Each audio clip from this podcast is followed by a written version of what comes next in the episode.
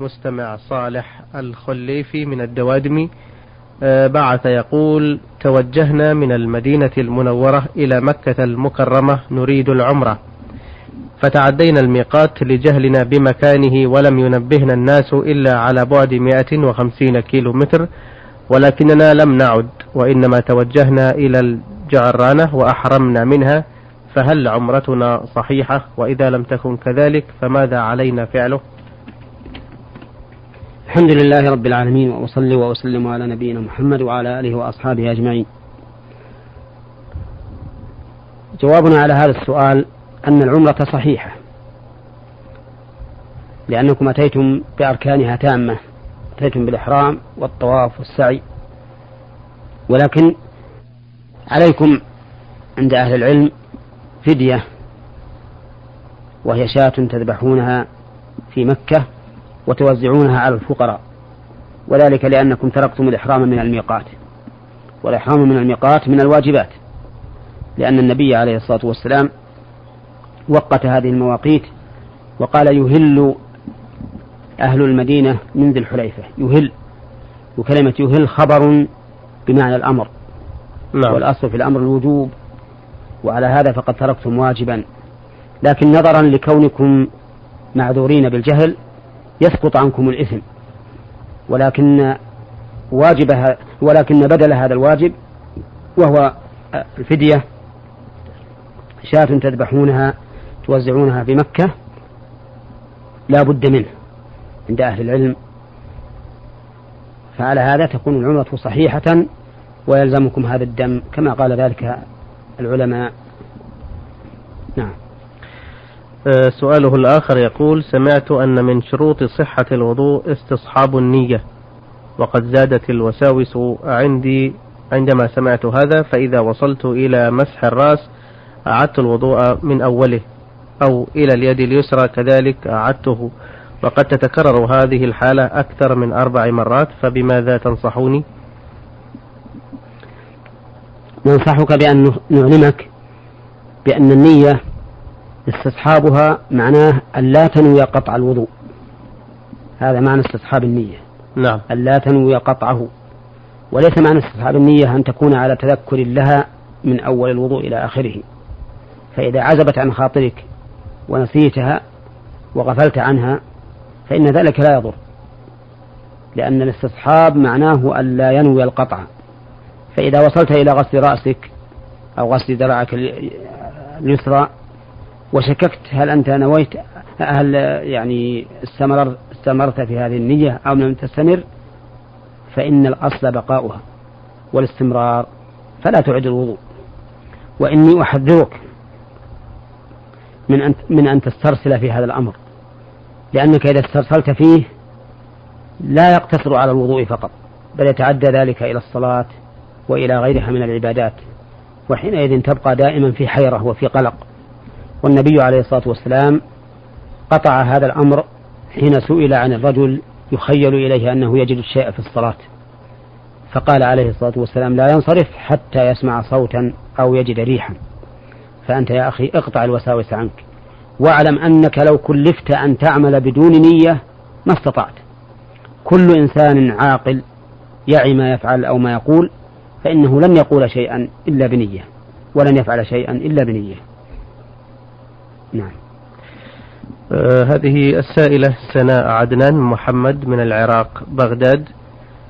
آه بعثت بسؤالين. تقول لنا أقارب لأبي وقبل سبعة عشر عاما حدثت مشاكل من قبل زوجة قريب والدي أدت إلى أن يحلف والدي بالطلاق على أمي إذا ما دخلت هذه المرأة إلى دارنا. وبقي الخصام بيننا وبينهم لمدة سبعة عشر عاما وفي العام الماضي أراد أبي أن ينهي الخصام فأخذ والدتي وذهب إلى دارهم ليتصالح معهم. ولكن الذي حدث هو أن هذه السيدة قد أتت إلى دارنا وأتى والدي وسلم عليها وقد أحرج هو لدخولها المنزل. فماذا على والدي أن يفعل؟ نقول قبل الجواب على سؤاله إنه ينبغي للمرء أن لا يحلف بالطلاق ولا بالنذر. فمن كان حالفا فليحلف بالله أو ليصمت كما أمر بذلك النبي صلى الله عليه وسلم. وإذا حلف بالطلاق على فعل امرأته بأن قال إن فعلت كذا فأنت طالق أو علي الطلاق إن فعلت كذا أو ما أشبه ذلك فإنه بحسب نيته. إن كان نيته أن امرأته إذا فعلت ذلك فقد طابت نفسه منها وكرهها ولا يريد العيش معها وقد خالفته في هذا الأمر فإنها إذا خالفته وفعلت تكون طالقا لأن هذا الرجل أراد الطلاق بهذا التعليق. أما إذا كان الرجل الذي قال لزوجته إن فعلت كذا فأنت طالق أو علي الطلاق أو ما أشبه ذلك إنما يريد بهذا تهييبها وتحذيرها من هذا الأمر. والتأكيد عليها بذكر الطلاق فإن هذا حكمه حكم اليمين بمعنى أنها إذا خالفته في ذلك وجب عليه أن يكفر كفارة يمين وهي عتق رقبة أو إطعام عشرة مساكين أو كسوتهم يخير في ذلك فإن لم يجد فصيام ثلاثة أيام متتابعة. وعلى هذا فنقول لهذا الأخ ما ما نيتك في في تعليق الطلاق لامرأتك إذا دخلت هذه المرأة إلى البيت.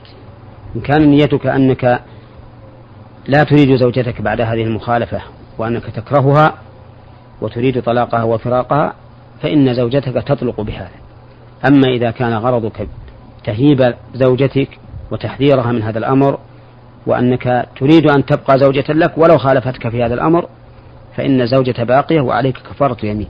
نعم. في حالة وقوع الطلاق فعلا تكون طلقة واحدة أي نعم تكون طلقة واحدة نعم يعني بمعنى إذا كانت هي الأولى فله مراجعتها أو الثانية أي نعم, نعم. الأولى والثانية فله المراجعة نعم, نعم.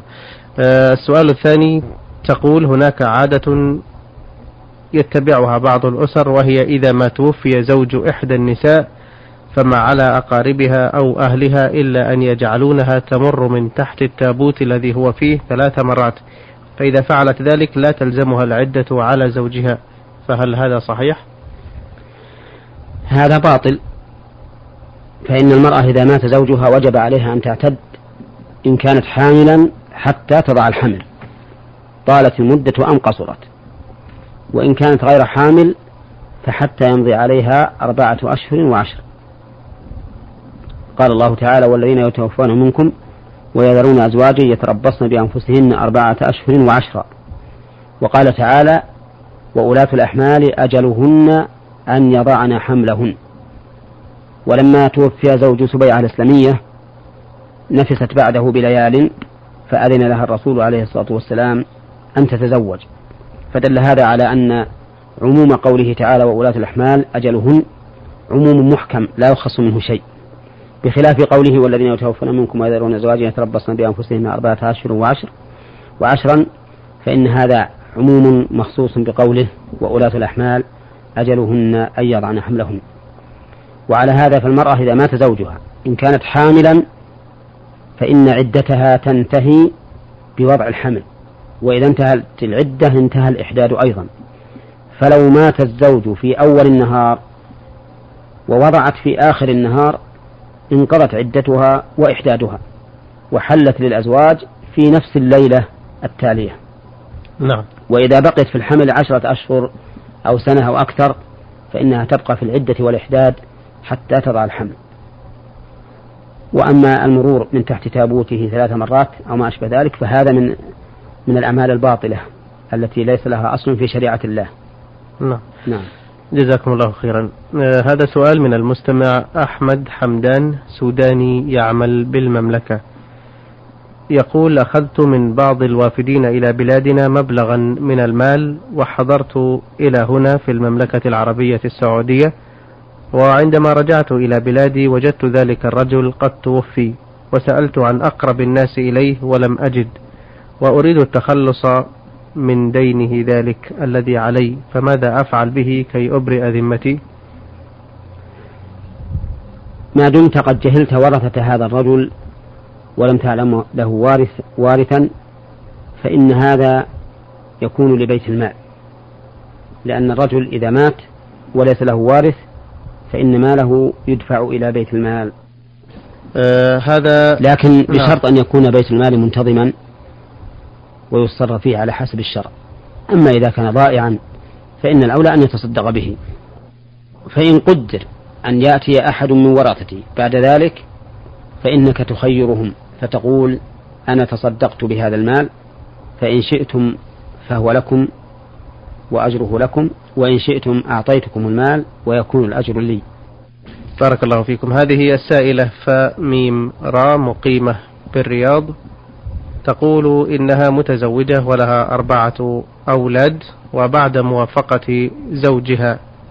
بالسفر وإنهاء كل الإجراءات رفض مرة أخرى رفضا قاطعا وأقسم بالطلاق لو, سافر لو سافرت فستكون محرمة عليه ولكنها أصرت على السفر برغم عدة الطلقات التي أقسمها أمامها.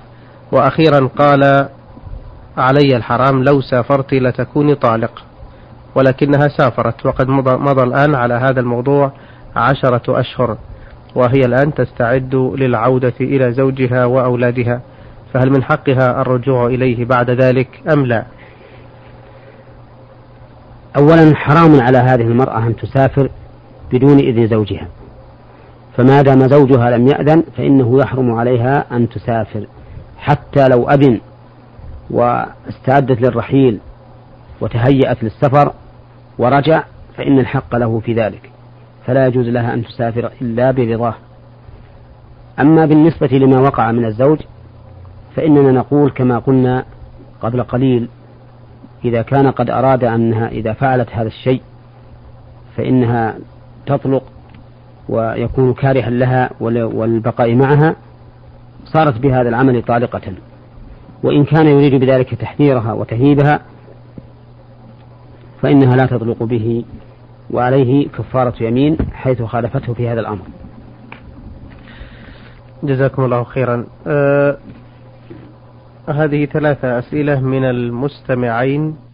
سالم أحمد القيني ومحمد ناجي آه يمنيين مقيمين بجدة.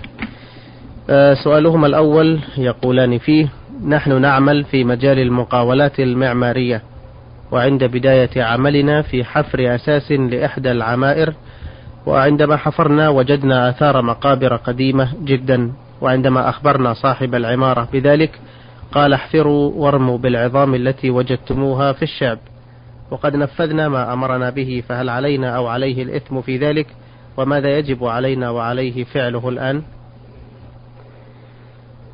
إذا كانت هذه المقابر مقابر مسلمين فإن عملكم هذا محرم ولا يجوز لكم أن تفعلوا ذلك. وفي مثل هذه الحال الواجب مراجعة ولاة الأمور يعني أنه إذا حفر أحد في مكان يريد أن يؤسس فيه بيتا أو نحوه ووجد آثار مقابر فإنه يجب عليه أن يكف عن العمل وأن يرجع في ذلك إلى ولاة الأمور الأمر. من أجل أن. من أجل التحقق في هذه المقابر وعصمة أهلها. سؤالهما الآخر يقولان ما هو مصير أطفال المشركين أو الكفار الذين يموتون هل هم في النار أم في الجنة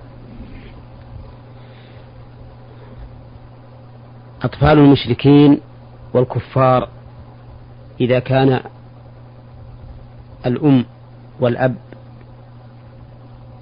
كلاهما كافر فإن هؤلاء الأولاد لهم حكم الكفار في في الدنيا فلا يغسلون ولا يكفنون ولا يصلى عليهم ولا يدفنون في مقابر المسلمين. نعم. أما في الآخرة فأصح أقوال أهل العلم في ذلك أنهم لا يعلم مصيرهم وأن علمهم إلى الله عز وجل لأنهم يمتحنون في يوم القيامة بما أراد الله فإن امتثلوا وأطاعوا دخلوا الجنة وإلا فهم في النار. نعم. السؤال أه، الثالث. يقولان هل للصلاة على الميت وقت محدد كأن يكون بعد الفرائض مثلا أم تجوز في كل وقت؟ وهل لها عدد معين من المصلين؟ أم أنها تؤدى ولو بمصل واحد؟ وهل يجوز أن تصلى فوق المقابر أم لا؟ وما هي صفتها؟ الصلاة على الجنازة ليس لها وقت محدد. وذلك لأن الموت ليس له وقت محدد. نعم. فمتى مات الإنسان فإنه يغسل ويكفن ويصلى عليه في أي وقت من ليل أو نهار. ويدفن في أي وقت من ليل ونهار إلا في ثلاثة أوقات فإنه لا يجوز الدفن فيها. وهي من طلوع الشمس حتى ترتفع قيد رمح وعند قيامها حتى تزول يعني قبل الزوال بنحو عشر دقائق. نعم. وحين تضيف للغروب حتى تغرب.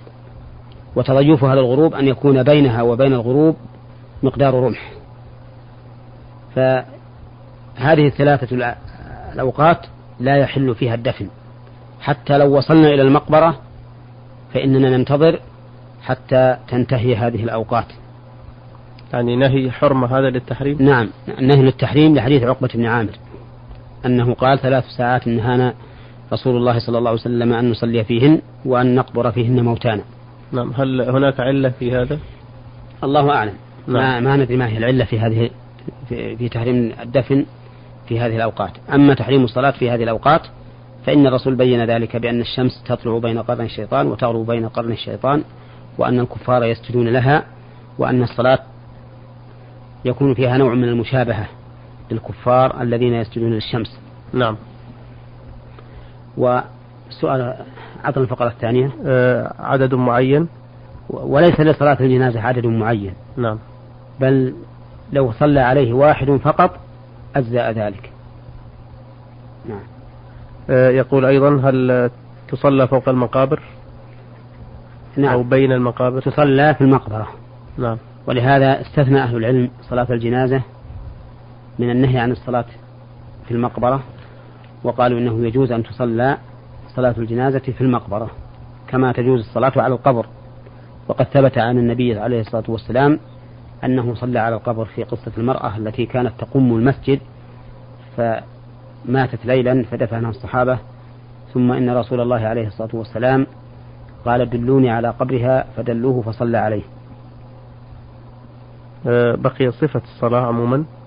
أما صفة الصلاة على الميت فهو بالنسبة للرجل يوضع أمام المصلي ويقف الإمام عند رأسه إذا كان ذكرا سواء كان صغيرا أو كبيرا. يقف عند رأسه ويكبر التكبيرة الأولى ثم يقرأ الفاتحة. وإن قرأ معها سورة قصيرة فلا بأس. بل قد ذهب بعض أهل العلم إلى أنه من السنة. ثم يكبر الثانية فيصلي على النبي صلى الله عليه وسلم اللهم صل على محمد وعلى آل محمد كما صليت على إبراهيم وعلى آل إبراهيم إنك حميد مجيد. اللهم بارك على محمد وعلى آل محمد كما باركت على إبراهيم وعلى آل إبراهيم إنك حميد مجيد. ثم يكبر الثالثة فيدعو بما ورد عن النبي صلى الله عليه وسلم. ومنه اللهم اغفر لحينا وميتنا وشاهدنا وغائبنا وصغيرنا وكبيرنا وذكرنا وأنثانا إنك تعلم منقلبنا ومثوانا. اللهم من أحييته منا فأحيه على الإسلام ومن توفيته فتوفاه على الإيمان. اللهم اغفر له وارحمه وعافه واعف عنه وأكرم نزله وأوسع مدخله واغسله بالماء والثلج والبرد ونقه من الذنوب كما ينقى الثوب الأبيض من الدنس. اللهم لا تحرمنا أجره ولا تفتنا بعده واغفر لنا وله. وغير ذلك مما ورد عن النبي صلى الله عليه وسلم. ثم يكبر الرابعة. قال بعض أهل العلم ويقول بعدها ربنا آتنا في الدنيا حسنة وفي الآخرة حسنة وقنا عذاب النار. وإن كبر خامسة فلا بأس لأنه قد ثبت عن النبي صلى الله عليه وسلم. بل إنه ينبغي أن يفعل ذلك أحيانا أي أن يكبر خمسا لثبوت ذلك عنه عليه الصلاة والسلام. وما ثبت عنه فإنه ينبغي للمرء أن يفعله على الوجه الذي ورد فيفعل هذا مرة وهذا مرة. وإن كان الأكثر أن التكبير أربع. ثم يسلم تسليمة واحدة عن يمينه. أما إذا كانت أنثى فإنه يقف عند وسطها. ما يقف عند رأسها. نعم. وصفة الصلاة عليها كصفة الصلاة على الرجل. إذا اجتمع عدة جنائز اجتمع عدة جنائز فإنهم ينبغي أن يكونوا مرتبين. فيكون الذي يلي الإمام الرجال البالغون. ثم الأطفال الذكور ثم النساء البالغات. ثم الجوار الصغار. هكذا بالترتيب. وعلى هذا فيقدم الذكر ولو كان صغيرا على المرأة. بمعنى يقدم أن يكون هو الذي يلي الإمام. وأما عاد وأما رؤوسهم فيجعل رأس الذكر عند وسط المرأة. ليكون وقوف الإمام في المكان المشروع. نعم. نعم. آه إنما يجوز أن يصلى عليهم صلاة جماعة يعني على, على مجموعة صلاة نعم. واحدة نعم على مجموعة موتى. نعم. أيضا ما دمنا في هذا المق... في هذا البحث. نعم. وهو أنه يوجد كثير من العامة يظنون أن الأفضل أن يقف الناس الذين يقدمون الجنازة أن يقفوا مع الإمام. بل إن بعضهم يظن أنه لا بد أن يقف واحد أو أكثر مع الإمام في صلاة الجنازة وهذا خطأ. يعني من أهل الميت؟ من أهل الميت أو من غيرهم إذا لم يوجد له أهل قريبون. نعم. إذا كان رجلا مجهولا. مثلا يظن بعض العامة في نجد أنه لا بد أن يكون مع الإمام أحد وهذا خطأ. فالإمام السنة أن يكون وحده. وإذا كان المقدمون للجنازة ليس لهم مكان في الصف الأول فإنهم يصفون بين الإمام وبين الصف الأول. المهم أن يكون الإمام وحده منفردا متقدما على الجماعة وليس لاشتراط أو لمشروعية كما يظنه بعض العامة كون المصلين الذين قدموا الجنازة مع الإمام. هذا ليس له أصل. نعم. نعم. آه، سؤال يقول بالنسبة للصفوف يعني هل يشترط آه، إتمام الصف الأول فالأول وسد الفرج؟ أي نعم. الصفوف ينبغي فيها مثل غيرها أن يكمل الصف الأول فالأول وأن تسد الفرج. نعم. يعني لو تعددت الصفوف بدون أن تكتمل هذا فهذا خلاف السنة. خلاف السنة. وإن كان بعض أهل العلم رأى أنه ينبغي أن لا تنقص عن ثلاثة نعم. حتى وإن لم يصف يتم الصف الأول. وقالوا إنه ينبغي إذا كانوا لا يملؤون الصفوف ينبغي للإمام أن يجزئهم ثلاثة صفوف. نعم. أه السائلان بعث بعدة أسئلة ولكن قد سبقت الإجابة على بعضها في حلقات مضت. أه وهذه رسالة المستمع عامر جودي حربي من العراق بغداد.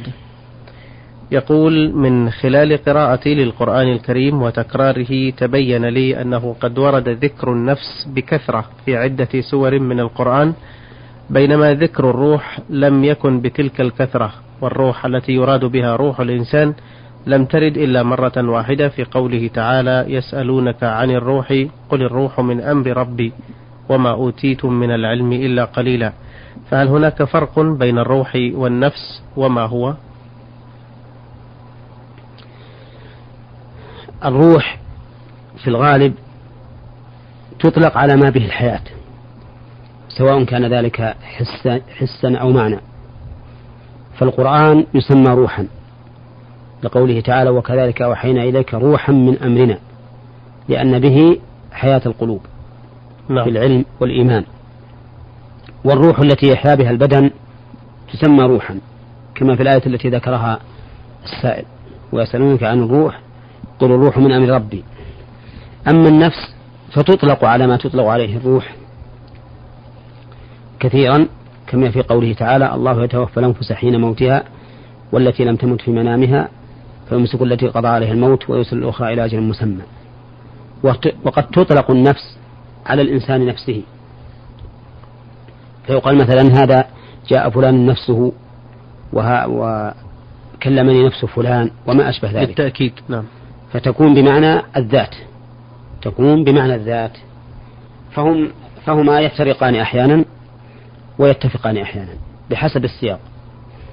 وينبغي بهذه المناسبة أن يعلم أن الكلمات إنما يتحدد معناها بسياقها. فقد تكون الكلمة الواحدة لها معنى في سياق ومعنى آخر في سياق فالقرية مثلا تطلق أحيانا على نفس المساكن. وتطلق أحيانا على الساكن نفسه. ففي قوله تعالى أن الملائكة الذين جاءوا إبراهيم إنا مهلكو أهل هذه القرية. المراد بالقرية هنا المساكن. نعم. وفي قوله تعالى وإن من قرية إلا نحن مهلكوها قبل يوم القيامة أو معذبوها عذابا شديدا. المراد بها الساكن. وفي قوله تعالى أو كالذي مر على قرية وهي خاوية على عروشها. المراد بها المساكن. وفي قوله واسأل القرية التي كنا فيها المراد بها الساكن. فالمهم أن الكلمات إنما يتحدد معناها بسياقها وبحسب ما تضاف إليه. وبهذه القاعدة المفيدة المهمة يتبين لنا رجحان ما ذهب إليه كثير من أهل العلم من أن القرآن الكريم ليس فيه مجاز وأن جميع الكلمات التي في القرآن كلها حقيقة. لأن الحقيقة هي ما يدل عليه سياق الكلام بأي صيغة كان. فإذا كان الأمر كذلك تبين لنا بطلان قول من يقول إن في القرآن مجازا. وقد كتب في هذا أهل العلم وبينوه ومن أبين ما يجعل هذا القول صوابا أن من علامات صحة المجاز أو من علامات المجاز صحة نفيه بمعنى أن تنفيه وتقول هذا ليس هذا. نعم. وهذا وهذا لا يمكن أن يكون في القرآن. فلا يمكن لأحد أن ينفي شيئا مما ذكره الله تعالى في القرآن. نعم. بارك الله فيكم أيها الإخوة الكرام. في ختام لقائنا هذا نتوجه بشكرنا الجزيل إلى الشيخ محمد بن صالح العثيمين المدرس بكلية الشريعة بجامعة الإمام محمد بن سعود الإسلامية بالقصيم. وإمام وخطيب المسجد الجامع الكبير بعنيزة وقد تفضل مشكورا بالإجابة عن أسئلتكم في لقائنا اليوم حيث أجاب على أسئلة الأخ صالح الخليفي من الدوادمي والأخت سناء عدنان محمد من العراق بغداد والأخ أحمد حمدان سوداني يعمل بالمملكة. والأخت فاء ميم راء مقيمة بالرياض والأخوين سالم أحمد القيني ومحمد ناجي يمنيين مقيمين بجدة والأخ عامر جودي حربي من العراق بغداد. إخوتنا الكرام نستودعكم الله تعالى وإلى لقاء قادم إن شاء الله والسلام عليكم ورحمة الله وبركاته. نور على الدرب. برنامج يومي يجيب فيه أصحاب الفضيلة العلماء على أسئلة المستمعين الدينية والاجتماعية. البرنامج من تقديم وتنفيذ أحمد عبد العزيز الغامدي.